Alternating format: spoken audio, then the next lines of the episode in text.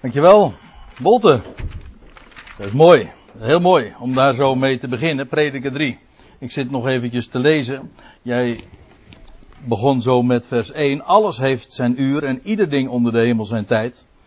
En toen zag ik nog eventjes door te lezen in vers 11. Daar staat er. Alles heeft hij voortreffelijk gemaakt op zijn tijd. Ja, een mooie start. Een mooie uitvalsbasis zo voor deze avond. Wat zeg ik? Voor deze hele studieserie.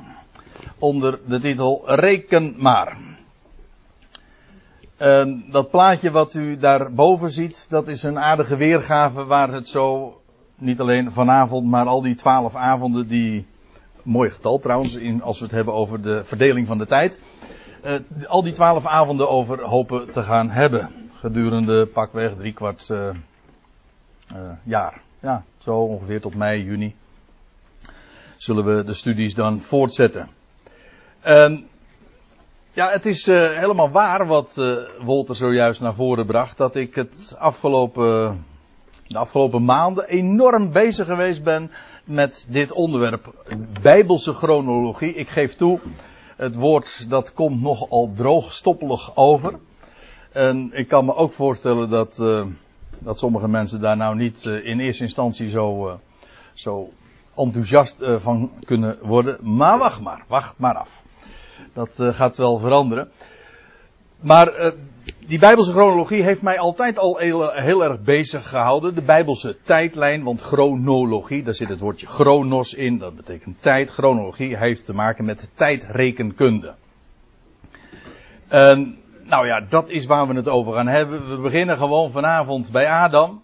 En we zullen uitkomen vanavond. Ja, we gaan toch echt flinke stappen maken hoor, zo in, uh, in een korte tijd. Want we gaan zo 2,5 millennia eventjes doorcrossen.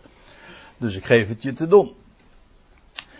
Maar wat ik altijd daar heel erg boeiend heb gevonden aan Bijbelse chronologie is, ja, al was het maar vanwege het overzicht wat je nodig hebt om geschiedenis te begrijpen. De geschiedenis de dingen die gebeuren, ja, die vinden plaats in de tijd. En je kunt het alleen maar begrijpen wanneer je ook het kunt plaatsen in de tijd. Dus wanneer gebeurde dat? Hoe verhoudt zich dat tot die andere dingen?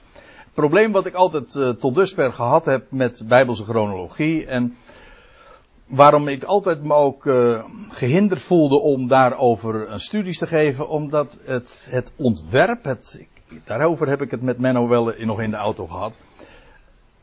Ik miste het, het goddelijk design. Dus van, ja, je kunt natuurlijk wel een mooie tabel opzetten en, en alle gegevens, alle data, de jaartallen, et cetera, bij, erbij noemen met de tekstverwijzingen.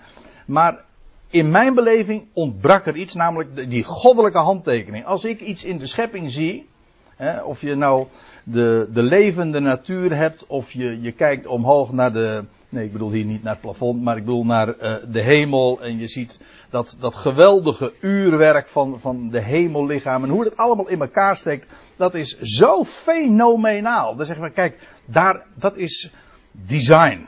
God, dat is goddelijk design. Intelligent design. Dat is juist waarom je ook weet van, er is een schepper. Hoe zie je dat? Al gewoon, daar is zo over nagedacht. Dat is onvoorstelbaar. En dat ontbrak mij tot dusver in, qua inzicht in die chronologie, ik, dat ontwerp zag ik niet. En deze zomer kwam daar verandering in. En ik viel van de ene verbazing in de andere. En ik vond zo schitterend. Dus ik heb echt staan trappelen om deze studieseren te gaan geven. Ja. En nou laat ik dan als eerste daar dan ook uh, dit over zeggen. Wat we deze serie gaan doen, is ons bezighouden met een strikt Bijbelse chronologie. Vanaf Adam, dat noem ik dan AH. Dat is trouwens ook nog wel een aardige. Nee, heeft niks te maken met die, de, de, de buurtsuper. Maar ik bedoel, uh, anno hominus. Dat, dat is Latijn voor het jaar van de mens. Dus eigenlijk gerekend, dat is mijn, het idee. Zo, zo zal ik ook de, de jaren gaan, gaan weergeven. Vanaf Adam gerekend dus. Anno hominus. Een bijbelse chronologie vanaf Adam tot aan Christus en zijn koninkrijk. En ik formuleer het expres een beetje dubbelzinnig. Want dat kun je opvatten als eh, een chronologie tot aan Christus in het verleden. Uh, je kunt het ook opvatten en tot zijn koninkrijk in de toekomst. En die dubbelzinnige betekenis zit er ook in deze hele serie. Want weliswaar gaan we ons de eerste avonden uh, vooral en vrijwel uitsluitend bezighouden met geschiedenis. Maar we ontkomen er ook niet aan om ook ons gaan be bezig te gaan houden met, met de, de toekomst. De profetie dus. En het geweldige is, een van die dingen die ik daarvoor, daarbij heb ontdekt, is dat de Bijbel inderdaad alle informatie verschaft om zo'n chronologie te ontdekken. En daarbij zal ik geen linken leggen naar de gangbare jaartellingen. Zoals wij dat gebruikelijk zijn te doen. We spreken dan over voor Christus, na Christus. Die is ooit uitgevonden door een meneer Dionysius Exigus. Die mag ik gewoon weer vergeten hoor. En er is in, uh, in, de, in de 15e, 16e eeuw, dat is nou toch een, uh, nou heb ik toch een tijdsbepaling na Christus gegeven. Uh, maar dat is een van de weinigen hoor. Maar in de 16e eeuw was daar een Jacob Usher. Het was een aartsbisschop, een Engelse, Schotse, Ierse, weet ik niet, maar in ieder geval een Anglo-Saxische aartsbisschop. Die een Bijbelse chronologie heeft opgesteld. Maar dat deed hij dan wel met uh, aanleunend tegen de gangbare chronologieën. Namelijk steunpunten in de chronologie. En ik weet niet in hoeverre u zich daar ooit mee bezig gehouden hebt. Maar ik stel me zo voor dat uh, driekwart, misschien nog wel meer, uh, geen eens een idee heeft wie deze figuren zijn die ik hier nu noem. Maar Maneto, dat, uh, en Alleen zijn naam is al heel lastig uit te spreken. Ptolomeus. ja, ik geef Nederlandse lessen aan Polen. En die, die lachen mij heel vaak vierkant uit. Maar zij bestaan het om uh, zomaar met gemak vijf, zes medeklinkers achter elkaar te zeggen. Maar Ptolomeus, dat vind ik toch altijd nog een beetje een lastige. Maar die twee figuren, dat zijn echt, dit zijn echt klinkende namen als je je ooit bezighouden hebt met de wereldchronologie en de geschiedenis, dan zijn dit namen die uh, ja, gewoon als, standaard gelden. Die, Maneto die heeft zich bezig gehouden met de, de, Egyptische geschiedenis. Maar er is ook heel veel mis mee. En dat geldt trouwens ook voor die Ptolemeus. met zijn Persische koningslijst, die is veel te lang. Waarom zeg ik dat nou zo badinerend misschien? En ja, dat klinkt misschien minachtend, maar ik bedoel dit te zeggen, dat als je uh, het legt naast de Bijbelse tijdlijn, dan klopt er het een en ander niet. Nou, wat ik dus eigenlijk vanavond ga doen, en de hele studieserie, en sommige mensen zullen dat juist uh, als een disqualificatie beschouwen, maar voor mij is het juist een eretitel, ik ben een, ja, aangenaam kennis te maken, een biblicist. En wat uh, bedoelen ze met een biblicist in de theologie? Uh, is dat een scheldterm? En dat, dat is iemand die zich uitsluitend beroept op de Bijbel. Nou, wat voor de een een scheldterm is, een scheldwoord, dat is voor de ander een eretitel. En zo uh, is ook echt mijn benadering. Dat is ook precies wat ik bedoel te geven. Namelijk een chronologie zonder uh, steunpunten te vinden in, in wat Maneto of Ptolomeus of de gangbare chronologie heeft weer uh, heeft opgehoest of doorgegeven of wat daarvoor als vaststaand wordt aangenomen. Ik heb er geen boodschap aan. Het zal me een zorg zijn nu. Uh, het gaat mij puur om wat de Bijbel zegt. Een strikt bijbelse chronologie. En wat we daarbij gaan zien, deze, deze avonden, dat is een goddelijk design. Goedenavond, Bastiaan. Er is nog plek, hier bijvoorbeeld. We zijn toch alvast maar begonnen. Ik dacht van Bastiaan is er nog niet, maar. Een goddelijk design van. Nou, wat we gaan zien, en u, als u het plaatje een beetje bestudeert, dan ziet u dat al, van drie keer twee millennia. Millennia is dus het meervoud van millennium, dat is een duizendtal jaren, dus drie keer 2000 jaren. En ik heb daar achter geschreven zes dagen. En ja, voor mij is dat, en ik, wellicht voor de meesten hier ook, een, een vanzelfsprekendheid, want zo rekent de Heer. Peter zegt nog aan het uh, einde van zijn leven in zijn laatste brief, zijn geestelijk testament, 2 Petrus 3, vers 8. Dit ene mag u niet ontgaan, geliefde, dat voor de Heer één dag is als duizend jaar en duizend jaar als één dag. En dan heeft hij het juist ook in verband met de wederkomst. Hij zegt dan van ja, er hij, hij waarschuwt al aan het einde van zijn leven, pakweg, aan het einde van de jaren 60 van de eerste eeuw, dat hij, dat zegt, er komen straks mensen die zeggen, wat blijft de belofte van zijn komst? Blijft allemaal hetzelfde. Ja, en dan zegt hij, dit als eerste reactie, dit mag u niet ontgaan, dat voor de Heer één dag is als duizend jaren. En daarmee refereert hij aan diverse bijbelse gegevens, in ieder geval die van de bijbelse week. Namelijk zeven dagen. Dus de goddelijke ordening, zes dagen van menselijke arbeid en de zevende dag, dat is de dag van hem. De dag des Heren, om zo te zeggen. Nee, dat is niet de zondag. De dag des Heren, dat is de zevende dag. De dag dat hij openbaar zal worden. En eindelijk rust zal komen voor deze schepping. En dat blijkt dus inderdaad te zijn na verloop van 6000 jaren. Oftewel, na zes dagen. Ik geef toe, ik praat nu een beetje voor mijn beurt, want ik moet nu nog een hey, ik moet het allemaal nog hard maken. Maar goed, dat uh, noemen ze klantenbinding, geloof ik, hè? Uh, nou ja, ik ben geen klant. Nou ja, in ieder geval, u, dan, uh, dat, dat roept wellicht dan toch in elk geval nieuwsgierigheid op. Maar vanavond zullen we wel een aardig voorproefje daarvan krijgen. Wat je ook ziet, een goddelijk design, niet alleen van die drie keer twee millennia, zes dagen, dus aanhalingstekens, zo rekent de Heer. Maar ook van vier keer 500 jaren, dat is vier keer 70 jaarweken. En nou verwacht ik eigenlijk dat de meeste van u gaan stijgen. Zeg van, uh, uh, 70 jaarweken, dat is 490 jaar. Dat is 70 maal 7, dat is 490 jaar. Daar gaan we het nog over hebben. maar ik, ik, ik, ik, ga, ik kan u nu alvast vertellen, het zijn wel degelijk 500 jaren. Maar ook dit moet ik, eh, het bewijs moet ik nog eh, later gaan leveren. Maar daar gaan we het uitgebreid over hebben.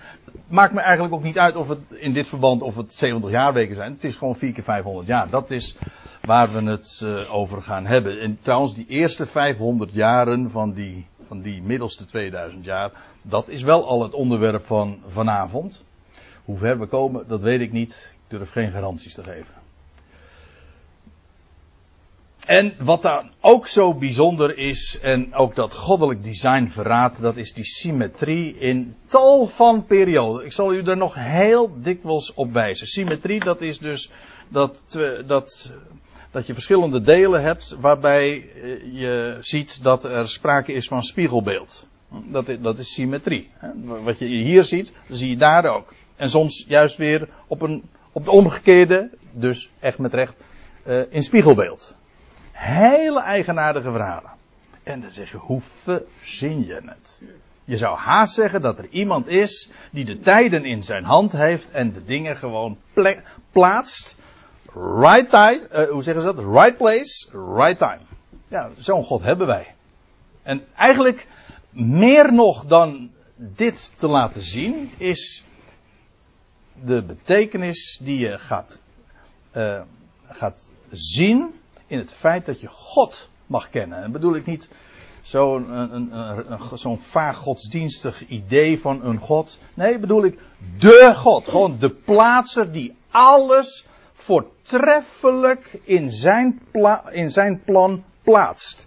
Ook qua timing. Er is niemand die zo kan timen als hij. Logisch, want de tijden, dat zegt de psalmist al, dat had, uh, daar had Wolter ook al mee kunnen beginnen natuurlijk. Mijn tijden zijn in uw hand. Maar dan gaat het puur persoonlijk. God zij dank is dat zo. Maar het is ook in het grote wereldgebeuren zo. In het grote geheel. Dus we praten over de millennia.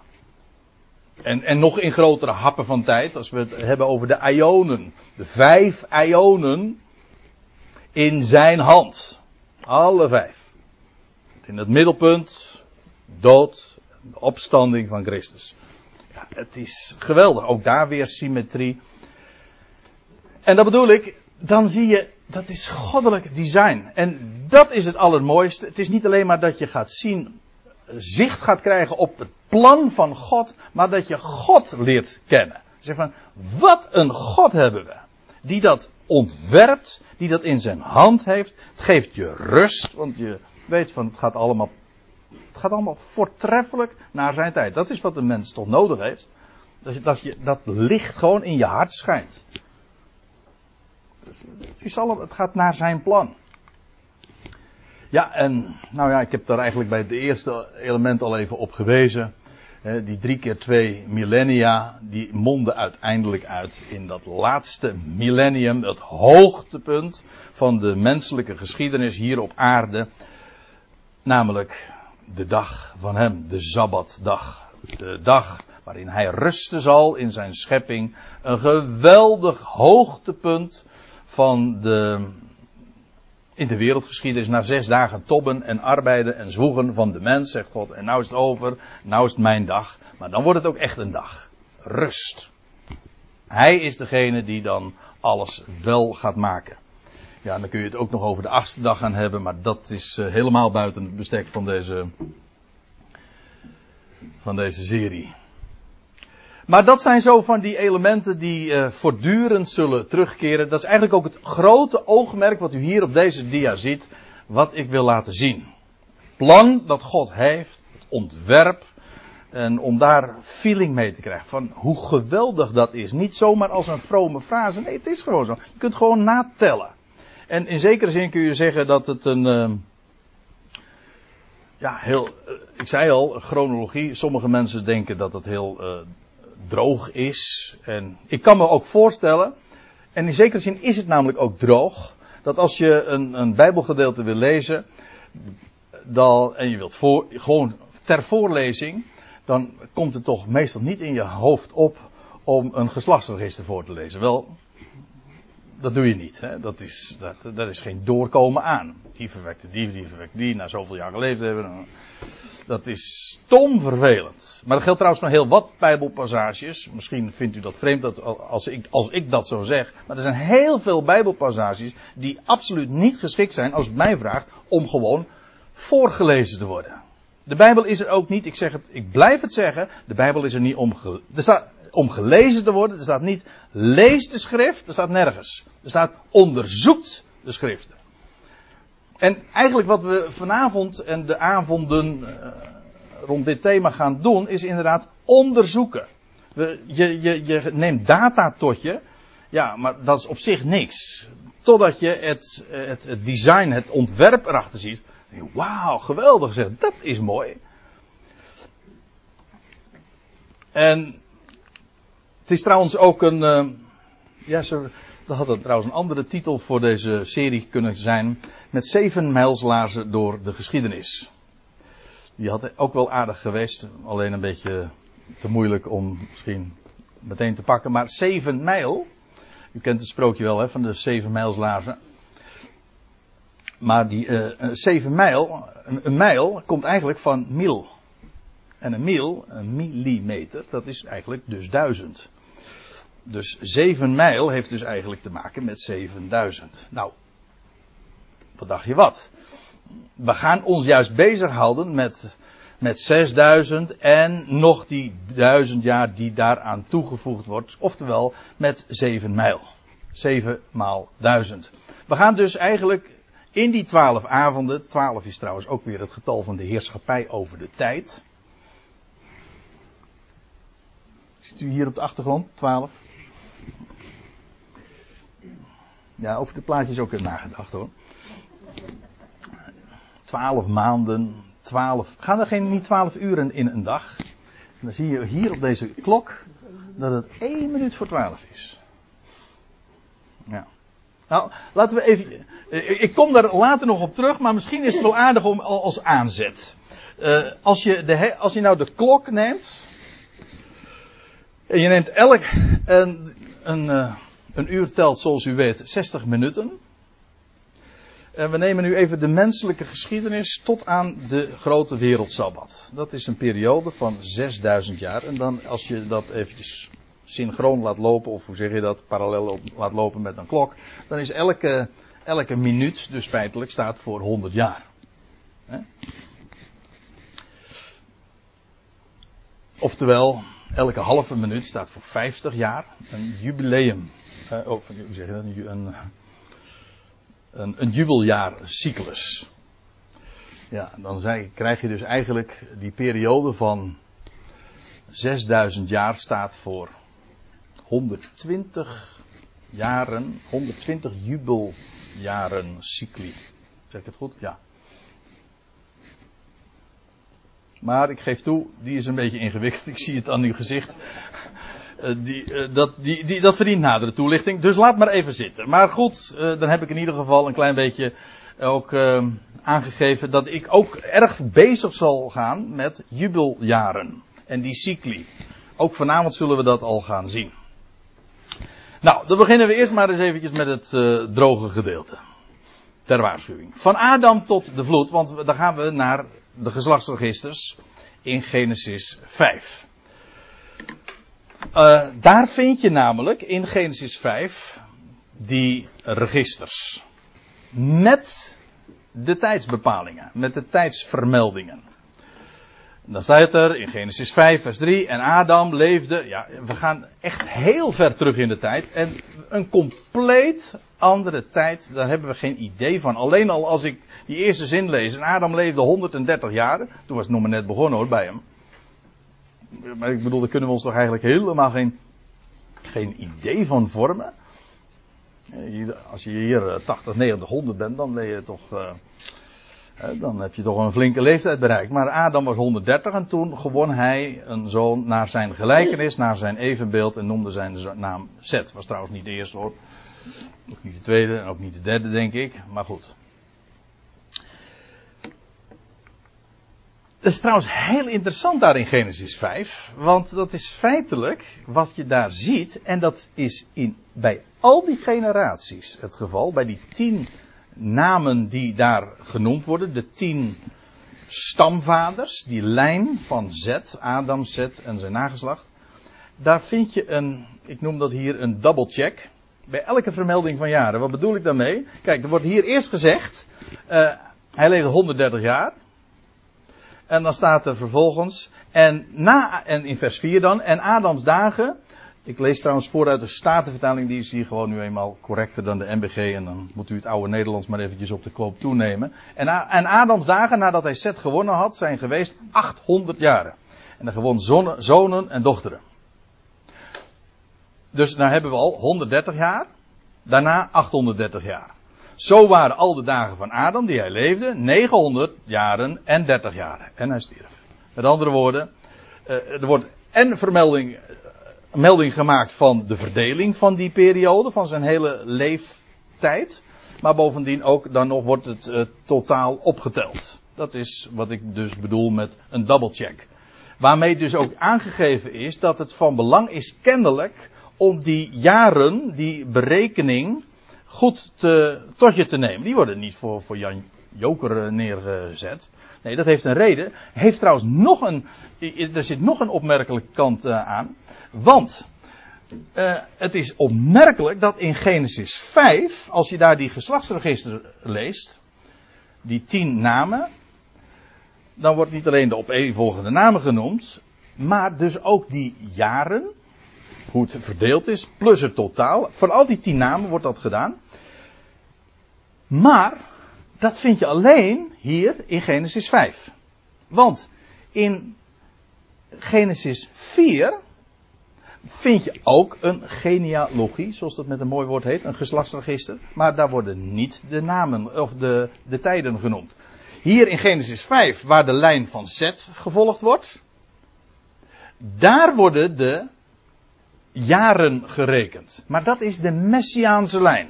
De lijn, en wat bedoel ik met de Messiaanse lijn? Dat is de geslachtslijn die uiteindelijk uitmondt bij de Messias. Dus dan eigenlijk vanaf Adam wordt er een lijn gevolgd en vind je gewoon echt, het is een ket, u moet het vergelijken met een, een, een ketting. Met allemaal schakels. En, en die ketting begint. De eerste schakel is Adam. En die gaat dan helemaal door tot aan de Messias aan toe. En eigenlijk moet ik het dus nog anders zeggen, zoals ik het zojuist al even aangaf. De hele Messiaanse tijd zelfs.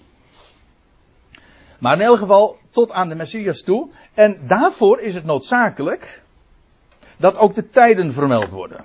Als, het gaat, als die andere lijn gevolgd wordt van Kain, spelen, er wordt weliswaar gezegd van over, u weet wel, over Lamech en over uh, Tubal en Jubal en Tubal Kain. Zo. Nou ja, die namen worden zo daar allemaal genoemd, maar er wordt niet vermeld hoe lang ze leefden en wanneer uh, wie verwekt werd, wordt allemaal niet gedaan. Alleen hier in Genesis 5. En dat is des te opmerkelijker, want je, die lijn wordt vervolgd in Genesis 11. In Genesis 11, daar zie je dat exact hetzelfde fenomeen. Daar zullen we ons straks ook nog mee bezig gaan houden. Want daar zie je, in Genesis 11, daar wordt de lijn, de nakomelingen van Sem genoemd. Een van de drie zonen van Noach dus. Genesis 11, Genesis 10, allebei zijn van die hoofdstukken vol, wat zijn geslachtsregisters. Eigenlijk is Genesis 10 ook de, hele volkerentafel met de 70 namen, de 70 volkeren. Eigenlijk gewoon 70 stamhoofden van families zijn dat. Maar in Genesis 10, waar de lijnen van Gam en, en de nakomelingen dus van Gam en van Javet genoemd worden, worden er, komen er heel veel namen langs, maar geen vermelding van jaren. Maar dat wordt anders in Genesis 11, want daar wordt de lijn van Sem voortgezet. En dat is de Messiaanse lijn. Dat wil zeggen, het spitst zich steeds meer toe. Het is niet Sem, het is niet Kain, nee, het is de lijn van Zet. Het is niet de lijn van Gam en Javet, nee, God heeft zijn naam verbonden aan Sem. En als ik het zo zeg, dan zeg ik eigenlijk een soort van pleonasme, want Sem Shem is eigenlijk betekent naam. God heeft zijn naam verbonden aan Shem. Joden spreken ook niet over, die zeggen de naam van God niet, dus veel te heilig. Ten onrechte, dat is een ander verhaal, maar in ieder geval, zo beleven ze dat. En, en zij Joden spreken altijd over Hashem. De naam. En eh, denk, denk daar trouwens eens over na dan weet je ook meteen wat erachter zit, achter antisemitisme. Antisemitisme, dat is anti-sem. Maar feit, wat, dat weten mensen niet. Ik bedoel, het is een, een blinde haat. En vaak ook pure jaloezie naar het Joodse volk. Maar wat er ten diepste achter zit, dat weet, de, dat de diabolos die daarachter zit, die de gedachten zo bestuurt en verblindt, die weet het maar donders goed, dat, de, dat God zijn naam verbonden heeft aan die lijn. En antisemitisme is feitelijk tegen de naam. Maar goed, even ter zake. Daar, in die lijn, daar worden de, de tijden ook vermeld. Niet alleen de genealogie, niet alleen de geslachtsregister, maar ook de tijden. Zodat je ook werkelijk een tijdlijn kan maken, beginnend bij Adam en eindigend bij de Messias. Ik geef toe, dat ga ik vanavond natuurlijk helemaal niet aantonen, want zover komen we niet. Maar goed, je moet ergens beginnen. Ik vind, uh, als je in een avond 2500 jaar voor je rekening neemt, vind ik dat, dat kun je niet zeggen dat ik uh, langzaam ga. Dus, uh, nou, dat moest ik dus ook nog even gezegd hebben ter inleiding. En daar blijft het niet bij, want ik moet nog een inleidende opmerking maken. Want dan staat er dus uh, in Genesis 5 vers 3. En Adam leefde 130 jaren. Ja, maar nou ga ik, uh, dat, sorry als voor sommige mensen het wat complex klinkt, maar ik denk dat het wel meevalt. Uh, is dat inclusief geteld of exclusief? Kijk, wij rekenen in het Westen, of nou, laten we het even beperken tot ons vaderlandje, wij rekenen exclusief. Kijk, je, bent, je wordt geboren. En dat eerste jaar, dan ben je nog steeds nul jaar. Hm? En dan heb je je verjaardag. Ik ben in twee. Ik, uh, ik laat het zeggen. Ik ben geboren 2 maart 1961. Ja, dan zie ik er nog heel jong uit. Dat geef ik uh, direct toe. Uh, Maar goed. Op 1 maart 1962 was ik nog steeds nul jaar. Gewoon. Hm? Ja. En pas op 2 maart 1962, toen vierde ik mijn verjaardag. Verjaardag, dat wil zeggen, ik was een jaar. Toen was ik een jaar oud. En al die tijd was ik gewoon nul jaar en vanaf hier ben ik één jaar. Dat noemen ze exclusief tellen. Eigenlijk is het, is een beetje complex, want ik, kijk, ik ben nu 54, dat had u al natuurlijk al lang kunnen uh, tellen, hè? reken maar. Uh, ik ben nu 54 jaar oud. Maar ik ben in mijn 55ste jaar. En ik vierde, afgelopen 2 maart vierde ik, vierde ik, even om het ingewikkeld te maken, vierde ik mijn 54ste verjaardag. Maar het was mijn 55ste geboortedag. zeggen gefeliciteerd met je 55ste geboortedag, had u het afgelopen 2 maart kunnen zeggen tegen mij. Ja, want die, eerste geboortedag, dit, is je, dit was je geboortedag. En dit was dus eigenlijk mijn tweede geboortedag. Toch? Nou, dat, is, dat noemen ze met een mooi woord dus exclusief tellen. Uh, in de Bijbel wordt er anders gerekend. De Bijbelse tijdrekening is inclusief. Dan word je geboren en dit is gewoon jaar 1. Zoals wij trouwens dan ook zeggen, uh, maar dan gebruiken we een rangtelwoord en zeggen we het eerste jaar. Dat is je eerste jaar, nou, dat is jaar 1 dus. Er bestaat dus niet zoiets in de Bijbel als een jaar 0. Je begint, je wordt geboren en dat is je gewoon jaar 1. Oftewel je eerste jaar. Maar goed, dat, dat verschil wordt in de Bijbel niet gemaakt. Dus ik me eh, niet vergis, kent de Bijbel dat, het Hebreeuws niet eens dat fenomeen. Maar daar blijf ik even vanaf. In elk geval, dit is dus jaar 1 en dit is uh, jaar 2. Hm? Dat is een verschil. Dus, en nou laat ik een voorbeeld daarvan geven over dat inclusief tellen.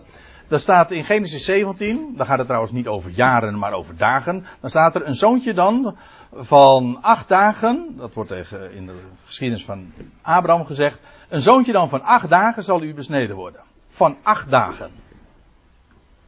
Dat betekent dat hij uh, nu dan al in de negende dag zit. Hm? En of dat hij al acht dagen oud is. Hè? Nee, dat is niet zo moeilijk hoor.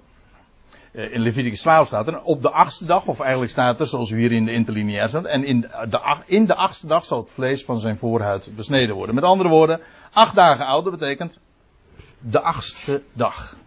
Dag acht dus. Moeilijk is het niet, maar dat betekent dus dat als er staat en Adam leefde 130 jaren, dan was die in onze berekening, zoals wij zeggen, hij was 129, zoveel jaar. Dat was het. Hij was in zijn. Hij was. Als u per se die 130 erin wil houden. Hij was in zijn 130ste jaar. Maar hij had 129 jaren gecompleteerd. Ja? Ja. Dat is dus. Eh, in dit jaar, in dit jaar, in het jaar 130, als je het zo zegt, dan is het misschien wat simpeler. In het jaar 130 gewoon hij een zoon naar zijn gelijkenis zet. De vraag is, was dat hier? Of was dat daar? U zegt, dat maakt niet zoveel verschil. Dus nou, ik dacht het wel. Dat, maakt bijna, dat is bijna een jaar, jaar verschil. Dat weet je niet. Het staat er niet bij. En eh, er is eh, een, een hele grote fout, als u het mij vraagt, die de eh, meeste chronologen dan maken. Dat is dat, telden ze al die verwekkingsleeftijden bij elkaar op en dan zeggen ze, kijk, dat is totaal. Uh -uh. Klopt niet. Want dat, zou, dat suggereert, als je dat zo doet, dan, dan bedoel je daarmee eigenlijk te zeggen dat al die zonen geboren zijn op de verjaardag van hun vader. Nou, dat lijkt me stug. Dat kan natuurlijk, maar. Hè. De vraag is, hoe, hoe zou je dat moeten rekenen? Het kan dus hier zijn, het kan daar zijn.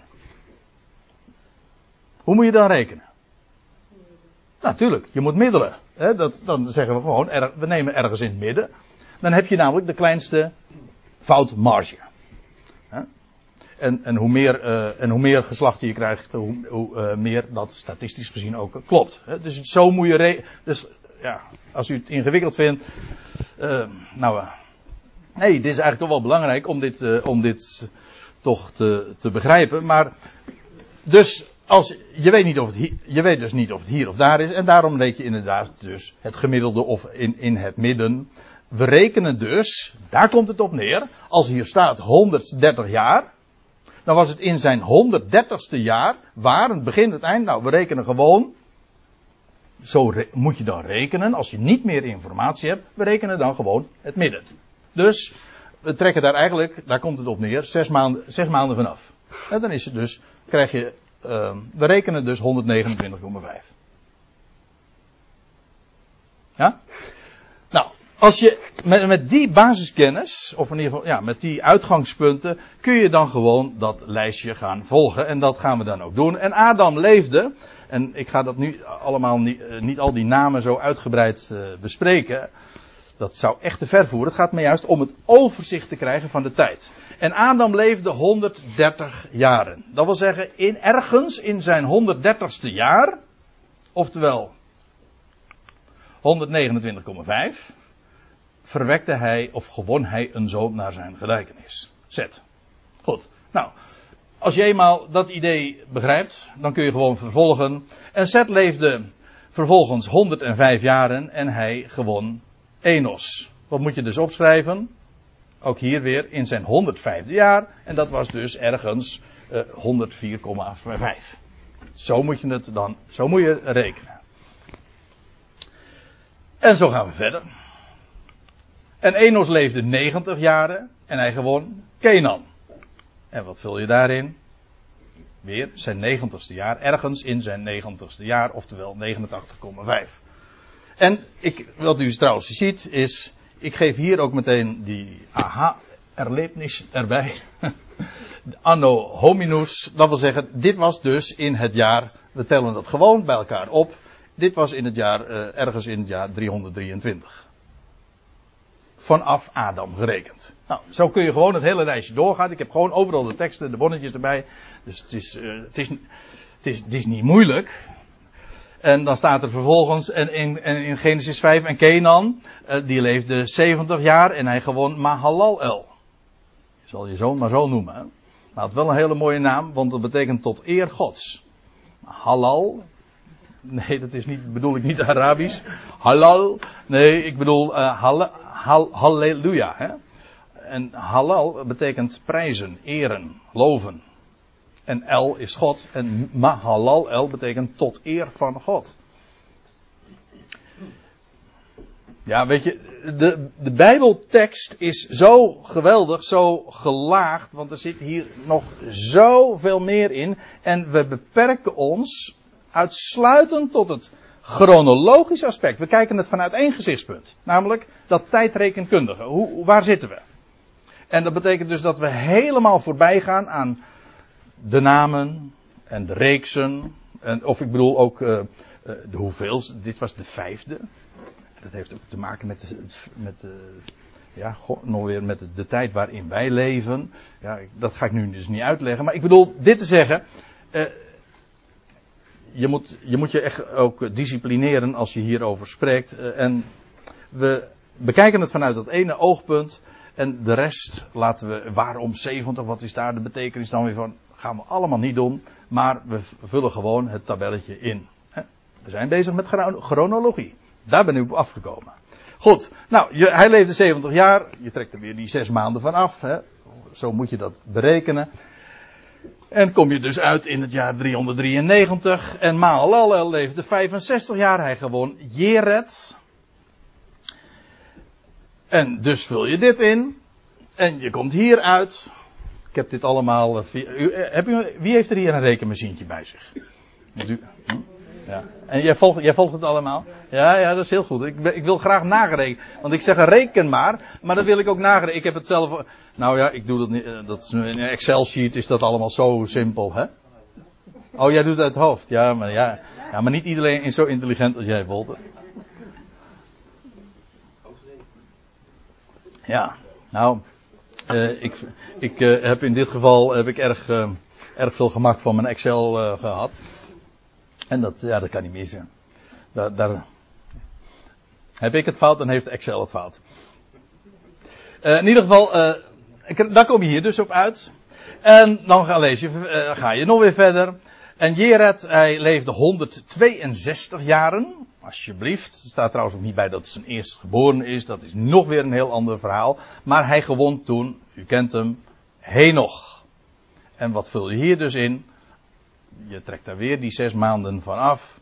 En je komt dus op dit getal. En dit was dus het jaar vanaf Adam gerekend. En Henoch leefde 65 jaar. En toen mocht hij met. Ja. Oh nee, nee, dat is ook al. Uh, dat gaat niet meer op. Uh, goed. En hij gewon Methuselah. Die, en nou, Henoch is natuurlijk een hele bekende. En dan zegt uh, de, de, de brief van Judas. Dus dat, om even ook aan te geven hoeveel lagen dat nog weer heeft. Dan staat er van, van Henoch staat erbij. De zevende van Adam af. Kijk, die mensen in de Bijbel die telden echt wel hoor.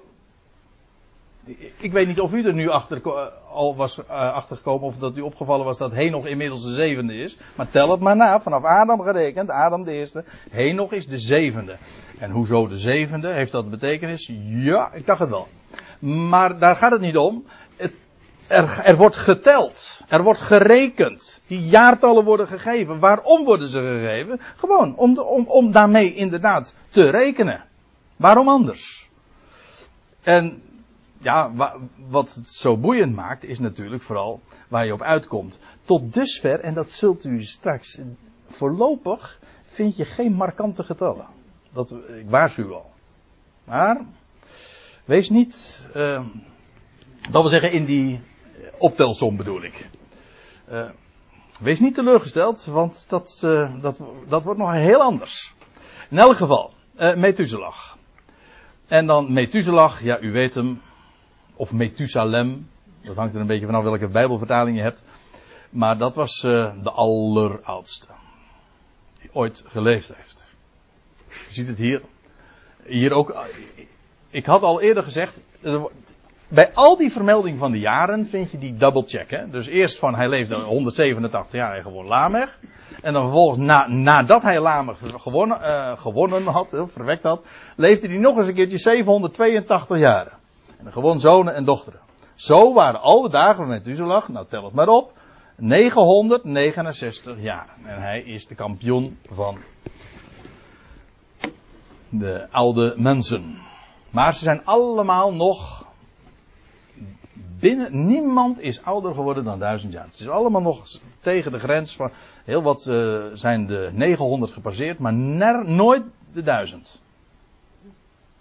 Je leest dat, ja, dat kan, ik niet nalaten om toch even te zeggen, want je leest dat, eh, dat, heer, dat de Heer God tegen Adam zegt, ten dagen dat gij van die vrucht eet, zult ge de dood sterven. Je zegt, hé? Zult gij stervende sterven. Maar hij is toch helemaal niet op die dag gestorven dat hij de vrucht had? Jawel.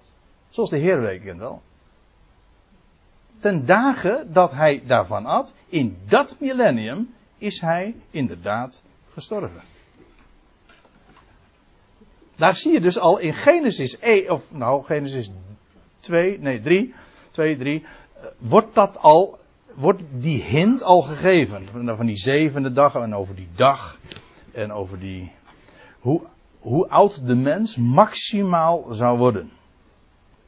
Ja, later wordt, wordt dat ook wel eens een keer opgehangen van 120 jaren. Ja, tegen Noach. Dan zeggen, ze, zeggen ze van ja, de mens kan nooit ouder worden dan 120. Maar dat is heel kortzichtig, want dat klopt echt van geen kant. Maar die 120 jaar hebben nog wel een andere gedachte. Maar daar gaan we het een andere keer nog over hebben. Ik heb het al gezegd trouwens. Vergeef me even deze, dit zijpad. Methuselah leefde 187 jaar. Nou, we vullen hem gewoon weer even in. 186,5. En Lamech, uh, hij verwekte Lamech dus. En Lamech leefde 182 jaar. Vullen we ook in. En je komt bij dan dit totaal uit. En vervolgens staat er. Nu gaan we even nog wat anders rekenen. Er staat er uh, tot aan de vloed. In het 600ste jaar des levens, staat de vertaling in de tweede maand, op de 17e dag van de maand, op dezelfde dag zijn alle fonteinen van de grote afgrond opengebroken en de sluizen van de hemel geopend. Dat was het jaar van de vloed. En dat betekent dat je daar dus ook 600, oftewel ook weer 500, ergens in het 600ste jaar eh, is dit gebeurd. En dat is, als je dat dus optelt, welk jaar was dat? Na Adam, anno hominus, dat was in het jaar 1651. Ja? Nou, en dan lees je, dan zijn we tot aan de vloed gekomen. Dat is al een aardige sprong in de tijd, niet aan. En dan staat er in Genesis 8, en het geschiedde in het 601ste jaar, in de eerste maand, op de eerste derzelfde maand, dat de wateren droogden van boven de aarde. Wat ik daarmee wil aangeven is, die vloed die duurde dus één jaar in totaal. We, waren hier gekomen, ik neem eventjes, uh, ik moet weer even een nieuw begin maken, anders wordt het wel te lang.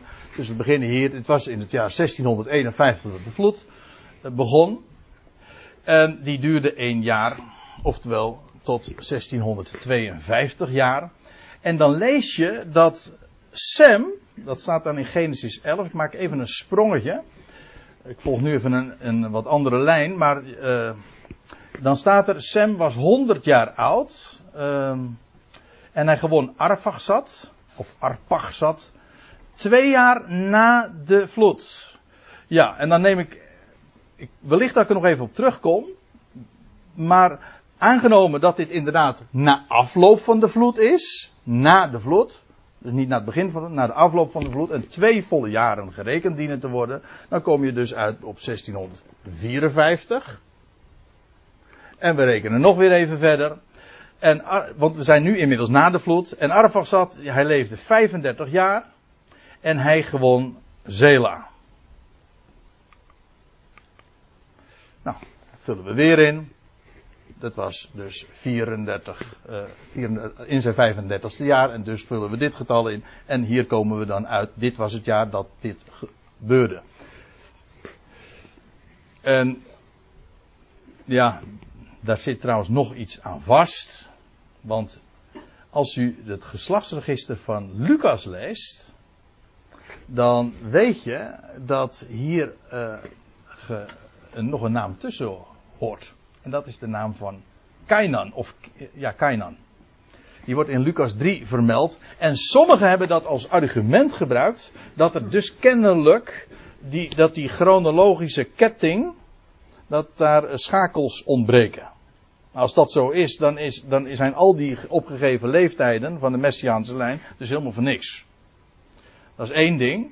Dat is een negatief argument. Maar het positieve argument is dat het helemaal uh, geen verschil maakt. Dat wil zeggen, uh, die Arfach, want laat ik het even nog dit erbij zeggen. In Lucas 3 lees je dat niet Arfach zat, maar Kainan hem verwekte.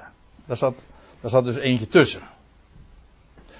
Maar ja, dat heeft ook weer te maken met een bijbels gebruik dat ver voor de wet van Mozes al een rol speelde. En dat was het zogenaamde leviraatshuwelijk, het zwagershuwelijk. Dus als een man kwam te overlijden en hij was getrouwd, dan, ja, dat zijn dingen, praktijken die wij natuurlijk, die erg ver van ons bed liggen. Maar in elk geval, dan nam de broer van de overleden man de vrouw. En als dan er nageslacht verwekt werd door die broer, dan stond het op naam van de overledene. Zodat je dus het verhaal kan krijgen dat, uh, dat je twee vaders hebt. Hè? De, eh, de biologische vader, zeg maar. Ja, eigenlijk, kennen we dat fenomeen op een heel andere manier tegenwoordig ook. Je hebt, je hebt, dan de wettige vader en de biologische vader. Nou, dat fenomeen doet zich voor bij een leviraatshuwelijk of een zwagershuwelijk. En dat is hier wellicht ook aan de orde geweest. Kan ik niet bewijzen, maar in ieder geval, dit is absoluut geen argument voor het idee dat er dus, uh, dat er schakels ontbreken, dat je dus geen chronologie of dat je geen tijd, tijdrekening kan maken. Dat gaat absoluut niet op. Maar we volgen eventjes nog verder. En Sela leefde 30 jaar en hij gewon Heber. Trouwens, als je een tabelletje zou maken of een, uh, hoe zeg je dat? Een, uh, een grafiek dan, dan zou je heel uh, spectaculaire afname van de leeftijden gaan zien na de, na de zondvloed. Tot de zondvloed zijn ze spectaculair hoog. En na de zondvloed gaan ze echt in een razend tempo omlaag. Dat geldt trouwens ook al voor die verwekkingsleeftijden. maar ook de leeftijden die mensen bereikten.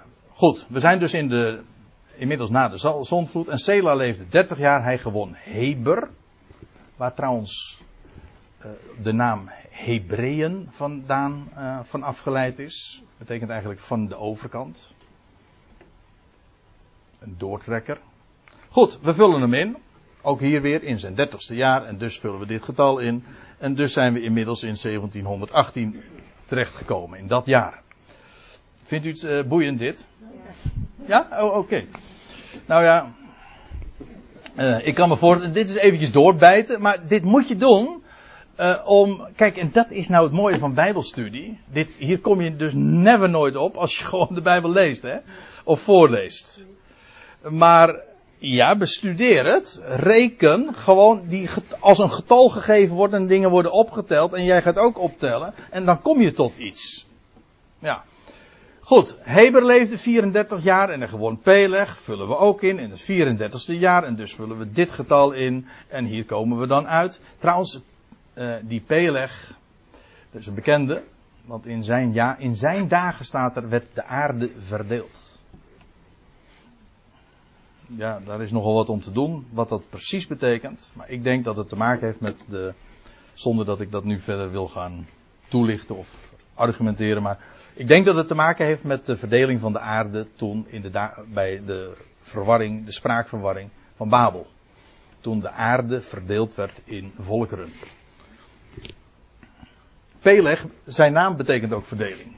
Dus hij heeft in zijn dagen, zijn naam ontleent hij kennelijk ook aan die gebeurtenis. Nou, en Peleg leefde 30 jaren, weer eentje die 30 jaar leefde, en hij gewon Rehu, vullen we ook weer in. En we komen tot dit getal. En dan staat er, en Rehu leefde 32 jaar, en gewon Serug, vullen we ook in. En we komen hier uit. Ja, we komen er wel hoor. En Serug leefde 30 jaar en hij gewon Nahor. Haha, Nahor. Dan komen we een beetje op bekend terrein, want dat is uh, het, vorige, het, directe voorgeslag van Abraham. Hij leefde 30 jaar, hij gewoon Nahor. Uh, zeg, doe ik het nou goed? Ja. Vullen we ook in, komen we uit in 1840, anno hominus. En Nahor leefde 29 jaar en hij gewoon Tera. Waar kent u Tera van? De vader. De vader van Abraham. Ja, dit vullen we dan ook in. 28,5 jaar. En dan komen we uit op dit totaal. En dan staat er. deze wordt wat eh, lastiger. Want uh, om bij Tera, om bij Abraham uit te komen. Want er staat er in Genesis 11. En Tera leefde 70 jaar. En hij gewoon Abraham, Nahor en Haran. Dat is een lastige. Want nou, de eerste lezing zou je denken. Aha, dat is een drieling in het 70ste jaar van, van Tera, dat uh, die drie worden verwekt. Klopt niet. Dat is absoluut niet het geval. En wat ook niet klopt. Uh, ja, sorry, de tekst klopt wel, maar de conclusie klopt niet. A, het is geen drieling geweest. En B, Abraham was ook niet, de was ook niet het eerstgeboren. Was het niet. Dat was Nahor, ja, Nahor of Haren, dat goed, maakt niet uit. In ieder geval Abraham niet. En uh, om het nog even ingewikkelder te maken, we zijn nou toch bezig, nietwaar? Uh, Abraham was wel de eerstgeborene, maar was niet het eerstgeboren. Maar als je het boek Genesis goed gelezen hebt, moet dit geen verrassing zijn. Want dan weet je eigenlijk dat standaard de eerstgeborene, degene die het eerstgeboorterecht krijgt, niet het eerstgeboren is.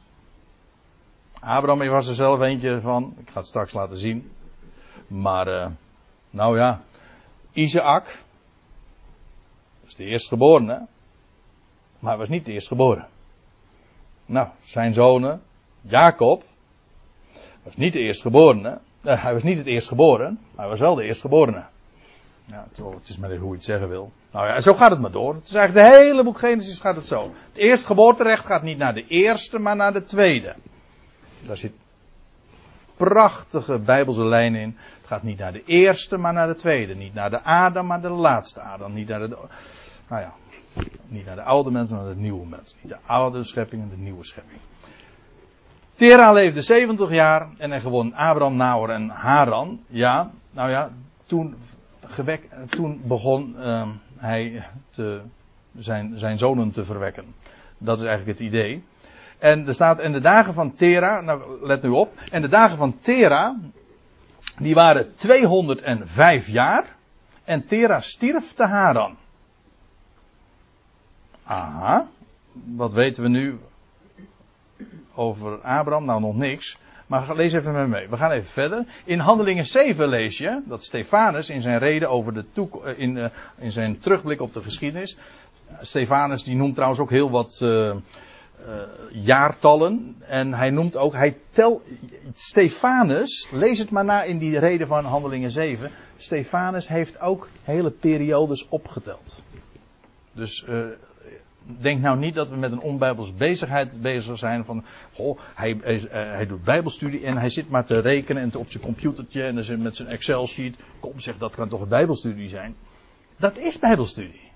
Dat is maar niet zo een of andere vrome pep talk. Het is gewoon, dat zijn getallen. God is, is de God van orde en de God van de tijd. Afijn. Handelingen 7. Stefanus zegt, toen, toen ging hij, dan heeft hij het over Abraham, uit het land der Galdeeën, Ur dus, hè. En hij woonde in Haran. U weet hoe het gegaan is. Hij ging eerst uit Ur. En toen is hij daar blijven, en toen is hij blijven plakken in Haran. En vandaar, nadat zijn vader gestorven was. Nou, dan weten we één ding. Dat was, dat was dus toen hij 205, uh, toen, toen Tera 205 jaar oud was. Toen, toen bracht hij, God, hem over in dit land. Dat wil zeggen, toen pas. Nou weten we nog niet genoeg, maar let op. Nou staat er in Genesis 12 dit. Kijk, dus dat, is, dat noem ik nou puzzelstukjes. En dan past het precies, want er staat er. En Abraham was 75 jaar oud toen hij uit Haran ging. Aha. Abraham was 75 jaar oud. Zijn vader was 205 jaar oud. Dus, nou, ik zou zeggen, reken maar uit. Tera was dus bij de geboorte van Abraham 205 min 75 is dus 130 jaar oud. Klopt dat? Ja. Dus dan krijg je het. hey. Wat krijgen we dan? Dan vullen we dus in, weer die 100, in zijn 130ste jaar. En nou wordt het echt interessant. Want nu zijn wij dus uitgekomen, gewoon door de getallen op te tellen. Bij A, gerekend vanaf Adam, uitkomend bij de zondvoet en dan uiteindelijk bij Abraham in het jaar 2000. Anno hum hominus. Ja, nou is het 9 uur. Ja, ik, mag ik het nog even afmaken? Of wordt de koffie oud? Ja, ik wil eigenlijk e- eventjes dit completeren. Uh, want dan kunnen we straks die, de volgende fase verder gaan. Uh, want het is, daar blijft het niet bij. Want uh, er staat in Genesis 9, en want van Noach lees je, hij leefde na de vloed 350 jaar, zo waren al de dagen van Noach 950 jaar. En hij stierf 950 jaar, dat is dus in zijn 950, 950ste jaar, oftewel 949, uh, komma, komma nog wat jaar. Hè? Nou, in welk jaar was hij geboren? Dat hebben we eerder gezien. Uh, zou ik even terug moeten bladeren, maar als u het genoteerd hebt. Hij was geboren in het jaar 1051. Hij werd zo oud. Uh, toen stierf hij. En dan betekent dat dus hij overleed in hetzelfde jaar als dat Abraham geboren werd. Dat is opmerkelijk. Dat betekent Noach, de representant van de voortijd, op een bijzondere wijze, want hij, hij is eigenlijk de overgang zowel van voor de vloed naar na de vloed. Hij stierf in het jaar dat Abraham geboren werd. In het jaar 2000. Een nieuw millennium. Het veert, ja, ik geef toe, het lijkt een anachronisme. Dat wil zeggen, ik gebruik hier, dat ik hier een term gebruik die pas later uh, opgeld gaat doen. Maar hou hem alvast. Het is het veertigste jubeljaar.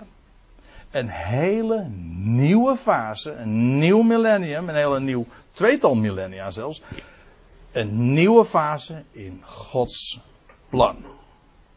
En zo wordt het optellen van getalletjes toch weer heel erg boeiend. En dat gaat zo voortgezet worden. Maar we gaan eerst eventjes pauzeren, stel ik voor.